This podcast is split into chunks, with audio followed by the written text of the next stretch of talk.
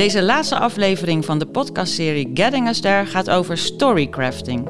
Storycrafting is een methode die je kunt gebruiken om met studenten aan de slag te gaan met het thema persoonlijke ontwikkeling.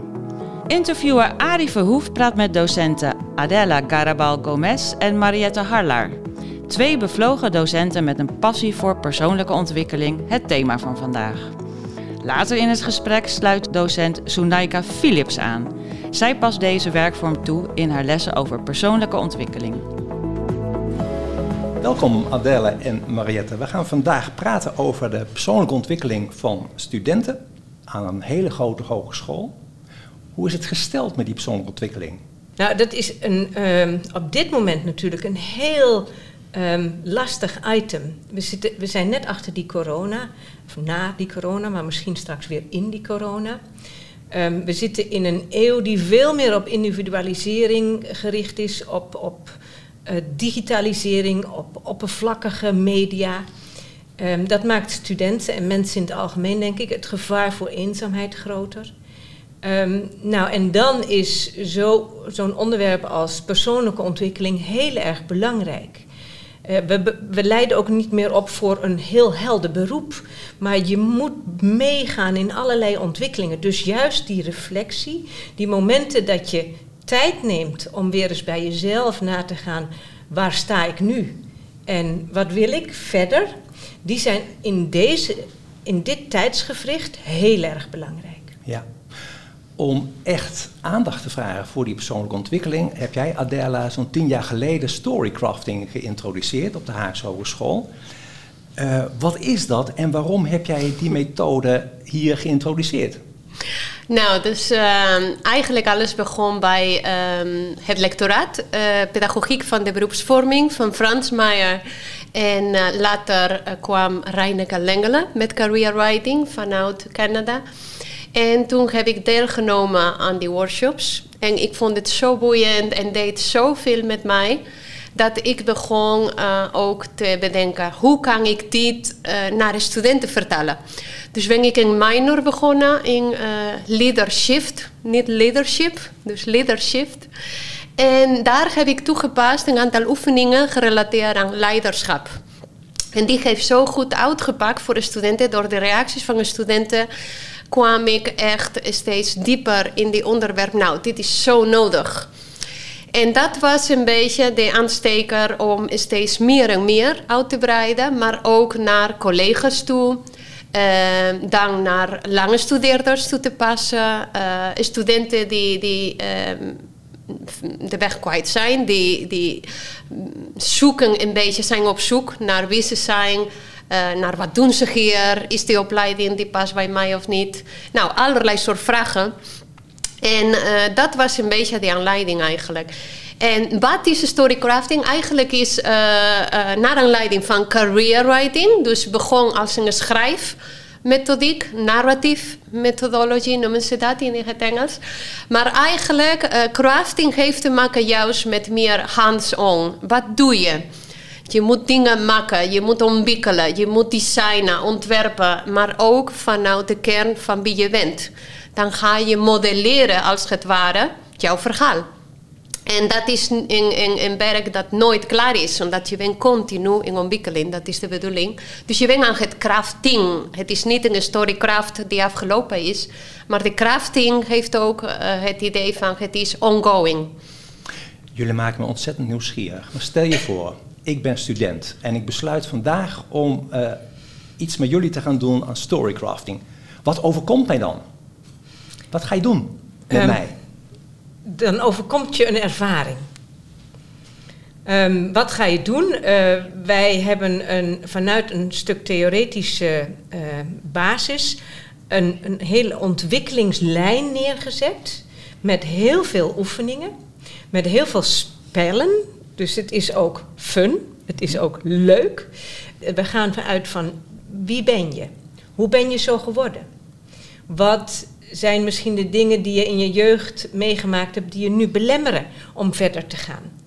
Um, wat zijn je kwaliteiten en je passies? En dat doen we spellen, we doen, we doen gesprekken, we doen um, uh, eigenlijk via de achterdeur um, kom je tot inzicht als student zelf.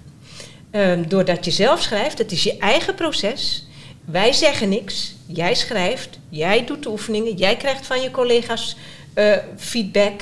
Ehm, je speelt een spel en denkt achteraf, jongen, dat heb ik nog niet geweten. En met, met dat je daar vaak aan het eind van de rit wat over schrijft, kom je tot inzicht. En dat is jouw unieke weg. Hoe is zo'n student anders na dat traject? Adela. Ja, want ik heb, ik heb heel veel studenten meegemaakt, inderdaad, van allerlei achtergronden. En eigenlijk voor mij zijn heel unieke voorbeelden eigenlijk. Um, ze praten over live makeovers. Uh, dat uh, voor hun uh, is gewoon de diepgang waar ze zijn gekomen. Dat soms is voor de eerste in hun leven dat ze stilstaan. Bij wat echt belangrijk is voor ze omdat ze zitten in een soort van race, sowieso in het onderwijs wordt alleen maar opgejaagd, voelen ze zich opgejaagd om in een race te blijven, rennen, rennen en, en uh, presteren, presteren. Maar het gaat om hoe. Dus eigenlijk in plaats van, wat we zijn een beetje achtergekomen, is dat uh, begeleiding soms gaat te veel over een studie als een race in plaats van de student als centraal. Ja. En dat is wat juist de verschil maakt. Het is tijd om uh, ook uh, Zunaika bij dit gesprek te betrekken. Uh, jij hebt een training gevolgd, storycrafting bij het HCTL. Waarom koos je voor die training? Nou, um, ik heb voor de training gekozen omdat ik uh, als docent echt op zoek was naar verschillende werkvormen die ik tijdens mijn lessen kan toepassen. Dus dat was een eerste insteek daarvoor. En daarnaast merkte ik als ik uh, in gesprek ga met studenten over hè, wat, wat, wil je voor je toekomst, wat wil je nog ontwikkelen, dan merk ik dat ik heel vaak de standaard antwoorden kreeg van oh ik moet nog leren plannen en organiseren. En dan vraag ik me af hoe kan het zijn dat ik steeds dezelfde type antwoorden krijg, terwijl we allemaal echt unieke individuen zijn. Dus voor mij klopte iets dan niet. Dus dat was ook een andere reden dat ik dacht, hmm, misschien dat ik door middel van storycrafting ook tot diepere gesprekken kan voeren met mijn studenten. En die methodiek die pas je nu toe? Zeker. Zijn dan de antwoorden van de studenten anders geworden? Uh, jazeker. Um, wat ik vooral binnen storycrafting heb geleerd, of wat ik werd bewuster van het feit dat je um, eerst ook moet stilstaan bij, oké, waar kom ik vandaan? Mijn, mijn geschiedenis, wat heeft me gevormd tot de persoon wie ik ben, voordat je het gesprek kan voeren van waar wil je naartoe. En dat is een grote uh, verandering wat ik merk tijdens mijn lessen. Ja. Maar hoor eens even, jullie zijn uh, alle drie zeer bevlogen docenten. Jullie zijn geen psychologen.